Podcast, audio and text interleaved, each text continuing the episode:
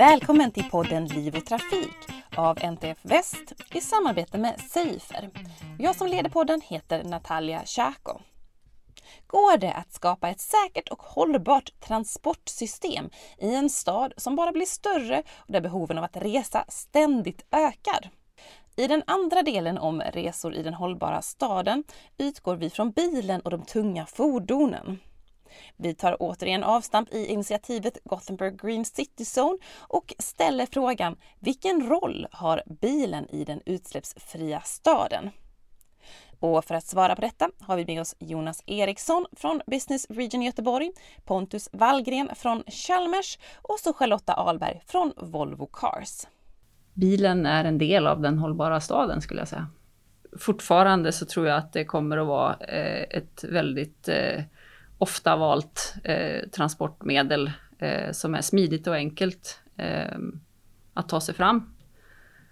Och vi, eller vad ska man säga, Volvo Cars jobbar ju för att vara en del av lösningen i staden. Om alla skulle ha en egen bil, det är klart att då blir det ett utrymmesproblem. Alltså för någonstans måste man vara ärlig med det, att det, det tar plats. Men självklart att bilen som användning, alltså det finns många lösningar då med bildelning, Volvo On Demand, alltså bilen som transportmedel och har ju en väldigt viktig plats eh, i, staden men framförallt kanske också utanför för staden. Eh, absolut, man måste tänka om mer för att optimera användningen av bilen och få bilarna att snurra mer egentligen då, de bilarna som finns. Jo men det är också alltså för, för att se till att de som verkligen, de transporterna, att de som faktiskt på riktigt behövs får den liksom, platsen som behövs. För det, det, tar ju plats. Jag tänker på det nu när jag cyklade hit, liksom, Östra Hamngatan, det var en, kanske ja, men 30 meter kö. Det var ju fem personer, de satt i en bil varsin då. Fem personer som hade gått hade inte varit någon kö eller fem personer som hade cyklat eller fem personer som hade varit i någon liten mikromobilitetslösning. Jag tycker den aspekten, för vi pratar ju ofta om säkerhet och, och CO2 är jätteviktigt men ytmässigt behöver vi också tänka till eh, kring hur vi ska få plats med allting i vår stad och jag tycker den aspekten överväger ofta. Mm. Eh, om man tittar framåt så måste vi kunna op optimera det. Mm. För det var ni också inne på inom eh, det här projektet då, uh, Gotham Green City Zone, de här shared spaces, alltså uh, ytorna som man ska, som man ska dela. Mm. Ni, kan ni berätta lite om det? Jag tänker att alla var väl överens om att det är ju en begränsad mängd yta i en stad och vi behöver Absolut. dela på den. Och, att, och då finns det ju, som du sa, det här liksom att vi separerar alla trafikslag, för det är säkert, för det mm. vet vi att det, är ett, mm. det, det, blir ju säkrare då. Men man kan också säga att var ska det gå? Vi får in fler olika typer av fordon. Nu ska det köras leveransrobotar och så ska det göra allt vad det Alla vill ha samma och vem ska dela med vem? Så någon måste, vi måste bli bättre på att dela, tror jag. Och då, eh, det tror jag var något som alla ser att ja, det här behöver vi göra. Hur kan vi göra detta? Kan vi göra detta på liksom, med eh, teknik som vi pratar med liksom, kan vi elektroniskt styra? Kan vi dela på det tidsmässigt snarare än dela på det fysiskt? Kan vi dela och, skapa en flexibilitet ja. som eh, med, alltså med tydliga ramar som mm. man i det, i de ramarna känner sig trygg. Mm. Nu, nu mm. får jag inte köra in där, mm. nu får jag köra in där. Mm. Eller nu kommer en eh, mm. leverans av någon lastbil eller och att man liksom vet vad som gäller. Och det kanske man kan skapa med digitala mm. lösningar. Precis, och det tror jag verkligen flika in där. Det, det är väl det som var kanske utmanande tidigare. Så man ska läsa en, jag har jobbat med parkering tidigare så ska man läsa en skylt på när får jag stå här eller inte. Det kan vara olika lösningar på. Men där, här har ju den digitaliseringen gett oss jättemöjligheter med geofencing och annat som automatiskt bilen säger till, kanske när bilen blir ännu mer autonom, väljer att köra in eller inte köra in, eller som exempel tidigare, köra igenom stan eller runt. Så, så att det kanske, det här med delade ytor kanske också blir lättare genom digitalisering än vad det har varit. Mm. Därför att vi som resenärer inte alltid behöver bestämma det själva. Likadant vi kan få den informationen inburet och vara i en bil. Det kan vara i en cykel eller vi får det i en app eller vet du om att du nu går i en zon. Alltså det kan ju, man kan ju få det på olika sätt, inte bara i fordonet. Mm. Och en annan sak som ni också varit inne på är de här tekniska lösningarna för att begränsa um, fordonshastigheter till exempel. Skulle ni kunna berätta lite mer om det, hur tankarna gick där? Det är också beroende på var i staden man prata. för på vissa ställen i liksom absolut centralaste stan så går ju all trafik sakta. Vi har lyckats att geofensa och hastighetsbegränsa skotrarna. Eh, ser väl att det borde man kunna göra med med motorfordon. Jag, jag måste bara inflika, alltså jag, så här, det jag sa innan med att, att den, det, det positiva här är att vi har börjat en dialog med mm. olika parter som försöker skapa en lösning tillsammans. Och eh, vi har ju haft eh, några workshops och så. Eh, jag tror att vi lite för snabbt har hoppat på en lösning eh, när vi inte har den faktabaserad. Eh, så jag tror vi behöver ta några steg tillbaka, eh, se vad vi har för fakta eh, och vad vi kan eh, lära oss av andra städer, precis som jag sa innan. Eh, så, så inte hoppa för snabbt på en lösning tror jag är lösningen. Ja, det här är ju idéer, det är inga färdiga Det är idéer, det är det koncept. Absolut. Så tror jag att vi, vi har, mycket av tekniken finns. Mm. Det är vi inne på. Det finns redan idag bussar som stängs av om de är på väg in och åker in i en bro till exempel, för de är dubbeldäckare. Och man kör över broar för att hålla nere hastigheten. Tekniken finns där. Det är ju tillbaka som Charlotte sa här att vi, vi behöver komma överens om hur ska vi använda den och hur, hur vi ska vår stad se ut. Mm. Eh, och liksom prata med då användarna och i det här fallet då medborgarna mm. eh, som är så, samma person såklart. Mm. Eh, hur, vill, hur ska den här staden, hur ska det fungera?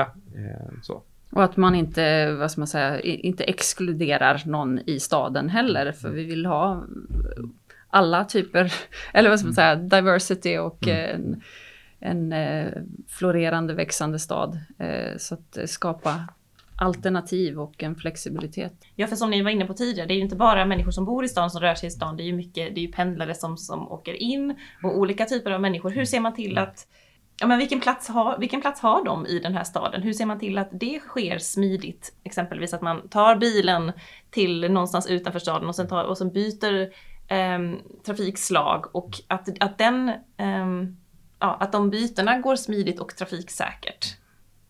Om man pratar ansvar så, så det är väl någonstans de som har ansvar för marken eller ytan, eller någonstans kommunen eller regionen eller kollektivtrafikaktörerna såklart har ett jättestort ansvar att skapa förutsättningarna eh, i det här, tror jag. Men sen är det också tjänsteaktörerna för att skapa aktivitet i det här med att kunna ställa sin bil och, och byta till kollektivtrafiken, att man jobbar ihop erbjudanden och annat. Men rent fysiskt så tror jag att man måste som de som offentlig aktör ta ett stort ansvar för att det här finns på plats och som en grundinfrastruktur man tar ett exempel från Nederländerna. Där exempel har ju tåg, de som opererar pendeltågen, de har tagit ansvar för hyrcykelsystemet mm. i staden. Det finns inte i hela staden utan det finns utgå från, mm. från centralstationen. Så de, så de kör dit helt enkelt med sitt tåg. De har ansvar att de kan ta sig vidare på ett, på ett uh, hållbart sätt. Så kan man hyra sin hyrcykel med samma kort som man kommer med tåget. Det är väl ett tydligt sätt att ta ansvar för hela resan från en aktör. Mm. Och en annan sak som måste få plats i eh, staden är ju de här samhällsviktiga instanserna, ambulans som måste komma mm. fort fram och polis. Hur ser man till att i liksom, den här um, idealstaden som vi då målar upp med många olika typer av um, ja, alternativ för olika trafikanter där allas behov tillgodoses. Hur ser man till att de här grund, liksom, ja, de här viktiga instanserna ändå kommer fram snabbt och att de får plats i den här staden? En, en polisbil kan ju faktiskt under utryckning köra på en cykelbana. Det är ju helt lagligt. Liksom. Det är inte så att man inte... Man, det, det är ju att köra igenom andra bilar som är väldigt svårt. Liksom. Men mindre och flexiblare lösningar kan ju lättare flytta på sig man kan ge mer plats. Och så, så, så det tror jag inte... Jag tror vi aldrig kan komma till att nu ska vi förbjuda, vi ska inte ha någonting av brandbilar, eller vi ska inte ha några bilar och lastbilar inne i en stad. Det är klart att det, det, det, det, det kommer vi ju behöva ha. Någonstans är det ju ett, ett krav, vi ja. måste få det att ja. fungera. Eh, och, och, likväl där så tror jag att vi kan använda oss av eh, digitala lösningar, vehicle to vehicle kommunikation. Eh, så att man, eh, vad ska man säga, får tidigare en notifiering eh, om att nu kommer det en ambulans eller någonting och jag måste bereda väg för en sån eh, akututryckning eller så. Eh, det är bara ett exempel, men det mm. finns säkert andra lösningar också. Eh, ja, har ni några fler exempel på den här typen av eh, tekniska lösningar på liksom, trafikflöden eller fordon eller liksom, som skulle kunna ja, som skulle kunna vara lösningen? Något som har diskuterats, det är ju liksom, vad ska man säga, om man nu, alltså, alltså digitala lösningar där man hjälper användaren att, vad ska man säga, jag ska ta mig härifrån till dit. och att man har i liksom kanske en app eh, olika alternativ då eh, hur jag tar mig från A till B eh, med olika eh, transportsätt. Mm. Och så kanske man kan välja den gröna vägen eller den som inte går genom staden vägen eller jag vet inte men det är också lite brainstorming men jag tror att det, utmaningen där är ju att samverka som mm. sagt då. Mm. Också ha den här liksom som vi brukar prata om, man kan ha liksom det här stödet liksom om man i telefonen så står det liksom nu har du möte på Lindholmen om eh, tar du eh, eh, bilen är det dags att sticka nu eh, men det går också en, en buss om, om, eh, om 15 minuter och, och, den, för nu är det skitmycket trafik och så den kommer att vara snabbare. Man, man kan också få den, eller tvärtom förstås. Mm. Nu står det still i busstrafiken. Eh, det kanske är en bra idé att och, och, köra runt eller, eller vad man nu hade. Liksom, att man kan också få den typen av stöd. Skulle man kunna tänka sig några tekniska lösningar för att minska olyckorna? jag tänker att i viss mån så, nu, bilarna har ju idag väldigt mycket sådana system. Det blir rött och det blinkar och bilen stannar sig mm. själv och mm. där finns väl redan eh, mycket tekniska lösningar. Jag vet att det, det har, finns projekt, man tittar på just cyklar då, som Eftersom det blir elcyklar mer och mer så finns det ju möjlighet att också ha med kanske datakraft på bilen, en dator. De som kommunicerar med trafikljus exempelvis och ger, ger företräde eh, eller ger signaler till lastbilarna runt omkring och att nu kommer en cykel här. Den typen av teknik har ju testats också just för att de olika eh, fordonen kommunicerar mer direkt med varandra och kanske inte alltid förlitar sig på att föraren eller cyklisten eller gångtrafikanten själv gör det rätta valet utan faktiskt eh, ja, någon annan gör det åt en. För det är, det är ofta eh, upp, utmaningen med den här typen av lösningar som vi har sagt, där, men en app för någonting eller visa någonting, det är att man, vi är ju tillbaka till början där, vi är vanor, vanebilister, vanemobilister eh, i vår stad, de flesta av oss. Mm. Vi gör som vi alltid har gjort. Och det där är intressant då, hur kommer man åt det? Att folk inte alltid genar den där vägen som man brukar gena. Mm. Det kanske det är då när folk tar de här riskerna som det också skapas eh, ja, otrygga situationer. Tekniska lösningar som också finns till exempel med elcyklar. Det är ju ABS-bromsar till exempel eh, och sådana saker som man börjar liksom jobba sig i den änden. Mm. Men det är klart att ja. Cyklar med aktiva säkerhetssystem? Ja, det är, absolut. Det finns det ju. Mm. Jag alltså, tänker, ja men eh, apropå att ta ansvar för det man... ja. Det Nej men eh, jag tänker också så som eh, e-skotrar, eh, de, alltså apropå geofencing då, mm. att man reglerar hastighet mm. i vissa områden mm. och, och liksom tvingar eller mm. sänker hastigheten mm. för, för den e-skoten när den kommer in i ett visst område. Um, så, så det är väl också en... Eller på kvällar och nätter. Eller så. Ja. Mm. Att, man, att man med geofencing sänker hastigheten. Mm. Ja. Eh, men om man ser till transporter, alltså företagstransporter och tunga fordon i staden. Hur ska de få plats i den här um, hållbara staden med fler aktiva resenärer? Um, behöver, behöver de minska? Vi behöver ha färre tunga fordon i, i staden. Alltså, där har vi börjat titta lite på några olika saker. Dels vill jag komma tillbaka till det jag säger om många gånger, det är optimeringen. Mm, här, optimera transporterna så mycket som möjligt. Där kommer exempelvis det här med samlastning in för att få ner antalet fordon. Det har vi vunnit ganska mycket redan där. Sen är det optimera i storleken av fordon också. Eh, här, behöver man alltid ha en, en, en, jättes, liksom en stor eh, lastbil för sig alla distributioner eller kan man när det finns ekonomiska möjligheter att lasta om till exempelvis lastcyklar i centrala områden. Så där tittar vi på både möjligheten att minska fordonen totalt men också där det är möjligt minska ner själva fordonet eh, i miljöerna. Både för att faktiskt komma in till på ett bättre sätt. Det är ju attraktivare att kunna göra fler paketleveranser exempelvis. Eh, men också för att skapa en, en tryggare miljö. Mm. Så det har vi redan varit inne och nosat lite på. Mm. Och digitala lösningar, apropå kanske inte just specifikt den här frågan då, men eh, det har vi ju märkt av under pandemin. Alltså om man säger vi blir fler i staden, mm. men vi kan också välja att jobba hemifrån och inte åka i rusningstid. Eh, vi kan ta möten på Teams. Eh, så att eh, den lösningen tvingades vi kanske in i, mm. men eh, på gott och ont så mm. har vi ju kanske anpassat oss fortare mm. tack vare det. Mm. Mm. Och om vi ska börja avrunda lite um, så funderar jag på eh, om det går att tillgodose alla olika trafikanters transportbehov i en helt utsläppsfri stad. Gör det det? Eller i ett, ett utsläppsfritt transportsystem? Ja, säger jag då. Ja, säger jag också. Det är det vi jobbar för. Ja, det, det tror jag också. Det, absolut. Det, det är klart vi, vi kommer vi når där, men det är bara att få, få folk också att uppleva eh, att göra de förändringarna. Eh, en del kanske upplever att man måste sluta med någonting, men egentligen handlar det om att man måste förändra sig. Eh, så det är väl en, eh, en del i det. Mm.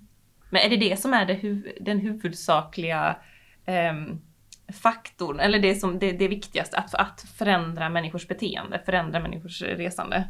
Men jag tycker vi, vi var inne på det tidigare, om man, om man, alltid har rest, på, eh, tagit exempelvis då, vi tar exempel ofta bilen in eh, i hela sitt liv. Så kom pandemin, plötsligt kan man sitta hemma kan man fortsätta då sitta hemma en dag i veckan och då har man minst ett, ganska många procent mm. av sitt resande. Kan man tänka sig att åka med grannen en dag i veckan? Ja, då har man helt plötsligt minskat sitt behov av e ännu mer. Kan man tänka sig att en gång då ibland ta bussen så har man minskat. Så det, det går ju saker och ting att göra fast egentligen man kanske inte upplever det så jobbigt egentligen. Men man tar väldigt många procent av sitt så här, transportarbete. Och jag tror också att man kan liksom tänka sig att det behöver inte vara en uppoffring. Det kan vara så här, jag jobbar en dag i veckan hemifrån. Ja. Det är inte för att man tycker att gud, nu är jag, nu är jag så redig, nu har jag minskat mitt transportarbete. Utan det var, det var ganska gött. Liksom. Mm. Jag behöver faktiskt inte vara på jobbet och det var rätt skönt. Och så, så eh, man kanske började jogga till jobbet eller vad man nu hittade på då. Eller, eller skaffade, lånade en elcykel, provade. Ja, men det var bra.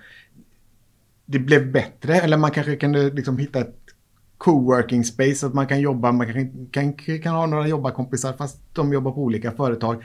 Behöver inte röra sig så mycket så här. Det behöver, det, jag tror inte vi kan ändra människors beteende på grund av att nu ska jag vara redo, utan vi kommer alltid förändra människors beteende för att nu har jag, har jag ett beteende som jag själv uppfattar som ett mer attraktivt, ett bättre, liksom, på något sätt. Och det, så att, eh, bara liksom, ingen kommer göra det här av sin, av sin goda vilja eller väldigt få, utan att det kommer vara att vi kommer hitta. Jag tror man behöver skapa win-win situationer mm. för alla parter egentligen mm. och det är ju inte jättelätt så sett men eh, lite som jag sa så tror jag att vi har börjat på någonting här med en samverkan och det mm. tror jag är väldigt viktigt mm. och också väldigt svårt mm. för att man alltså vad ska man säga, skapar den här mm. eh, vad ska man säga win-win situationen för alla.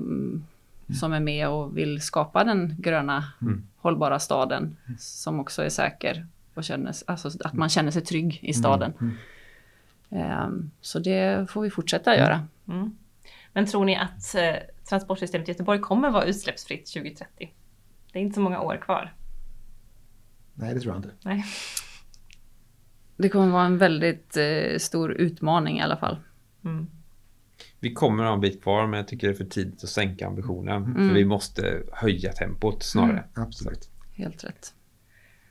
Tack så mycket. Är det någonting ni vill tillägga som ni inte tycker att vi har eh, snuddat vid? Det, jag tyckte att de gick lite in i varandra så vi, det var inte alla frågor kanske. Men är det någonting ni vill mm. tillägga? Jag skulle vilja tillägga en sak. Ja. Nej, men jag ty tycker att det, det lite upplevs, eller man, man pratar ofta om att bilen är en eh, vad ska man säga, miljöbov. Och det tror jag är ett förlegat mm. sätt att tänka på bilen. Nu pågår det en, en vad ska man säga, förändring och en transformation och eh, alla biltillverkare går ju liksom mer eh, mot eh, en hållbar utveckling och det innebär ju elektrifierade fordon. Eh, och då är bilen inte boven om jag säger så, utan det är en hållbar lösning.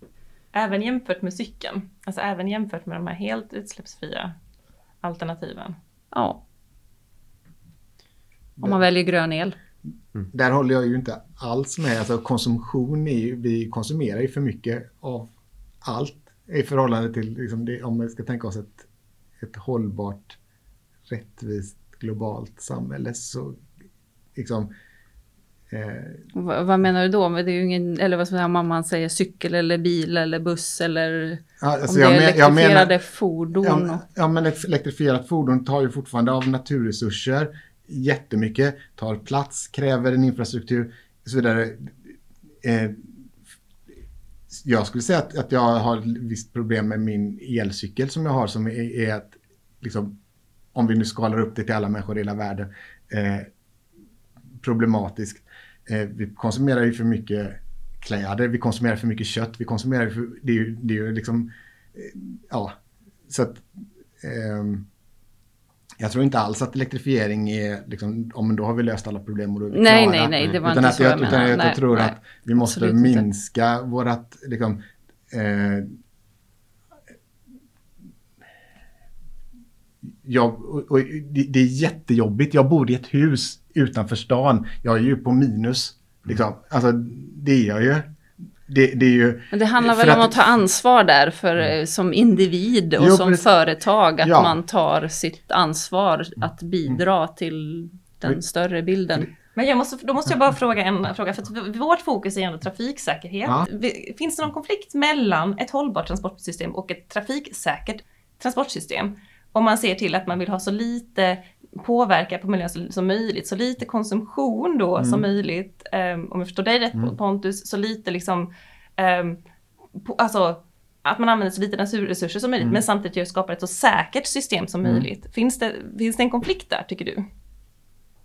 N- nej, det tycker jag nog inte. Alltså att, alltså att för säkerhet är för mig en hållbarhetsfråga också. Alltså, eh, det det är klart inte människor ska dö eller skadas och så.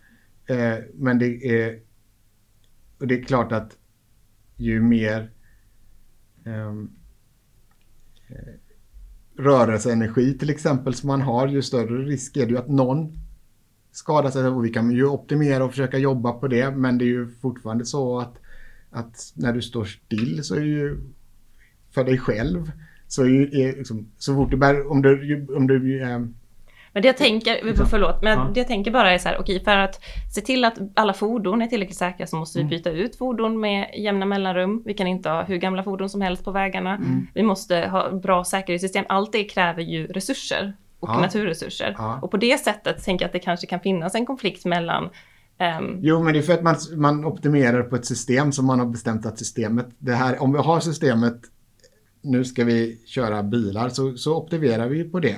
Ja, vi har gjort det bra. Och, och absolut, vi, det är mycket säkrare, speciellt för de som är inne i bilen.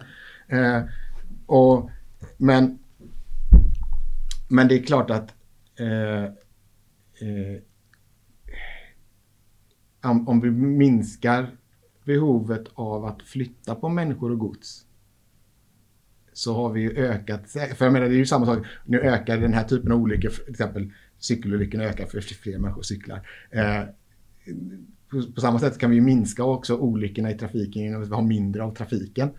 Eh, det är liksom ett helt annat, på en annan systemnivå, men om man nu liksom, ja, ja, Så Jag, jag, jag hoppas ju att vi, när vi gör den här förändringen till ett hållbart transportsystem eh, så, så tror jag att vi behöver göra den, eller förhopp, förhoppningsvis så kan vi få till att vi, man liksom gör den i olika steg. Det vill säga när man byter ut sin, sin tidigare bil då förhopp, skulle jag hoppas att många ställer sig frågan behöver jag köpa en ny bil? Eller kan jag gå till en bilpool? Eller vad, vad är det jag behöver egentligen? Väljer man att köpa en ny bil, då är det jättebra. Så självklart ska man ha en elbil. eh, så, så det är ju den delen. Men jag tror att det finns en liten fara här i att jag håller med om att man ur ett CO2-perspektiv så ja, så elektrifieringen är jättebra. Men vi får inte glömma det här både elektrifieringen och effektivisering eller optimering av transportsystemet. Både, de måste gå hand i hand och sen måste det självklart vara säkert. Så jag tror att oavsett om vi skulle stanna kvar av någon anledning i dagens transportsystem så måste ju det vara säkert. Och det nya som vi, som vi går till ska också vara säkert. Eh, sen blir det ibland den här diskussionen att det måste vara säkrare. eh, men det, liksom, självklart så ska det vara säkert. Men i den här omställningen så ska vi så, nyttja den tycker jag till att se hur kan vi också optimera eh, vårt, eh, vårt transportsystem. Och vi säger tack till Jonas Eriksson från Business Region Göteborg, Pontus Wallgren från Chalmers och så Charlotta Ahlberg från Volvo Cars. Och flera avsnitt av podden hittar du på livotrafikpodden.se eller där poddar finns.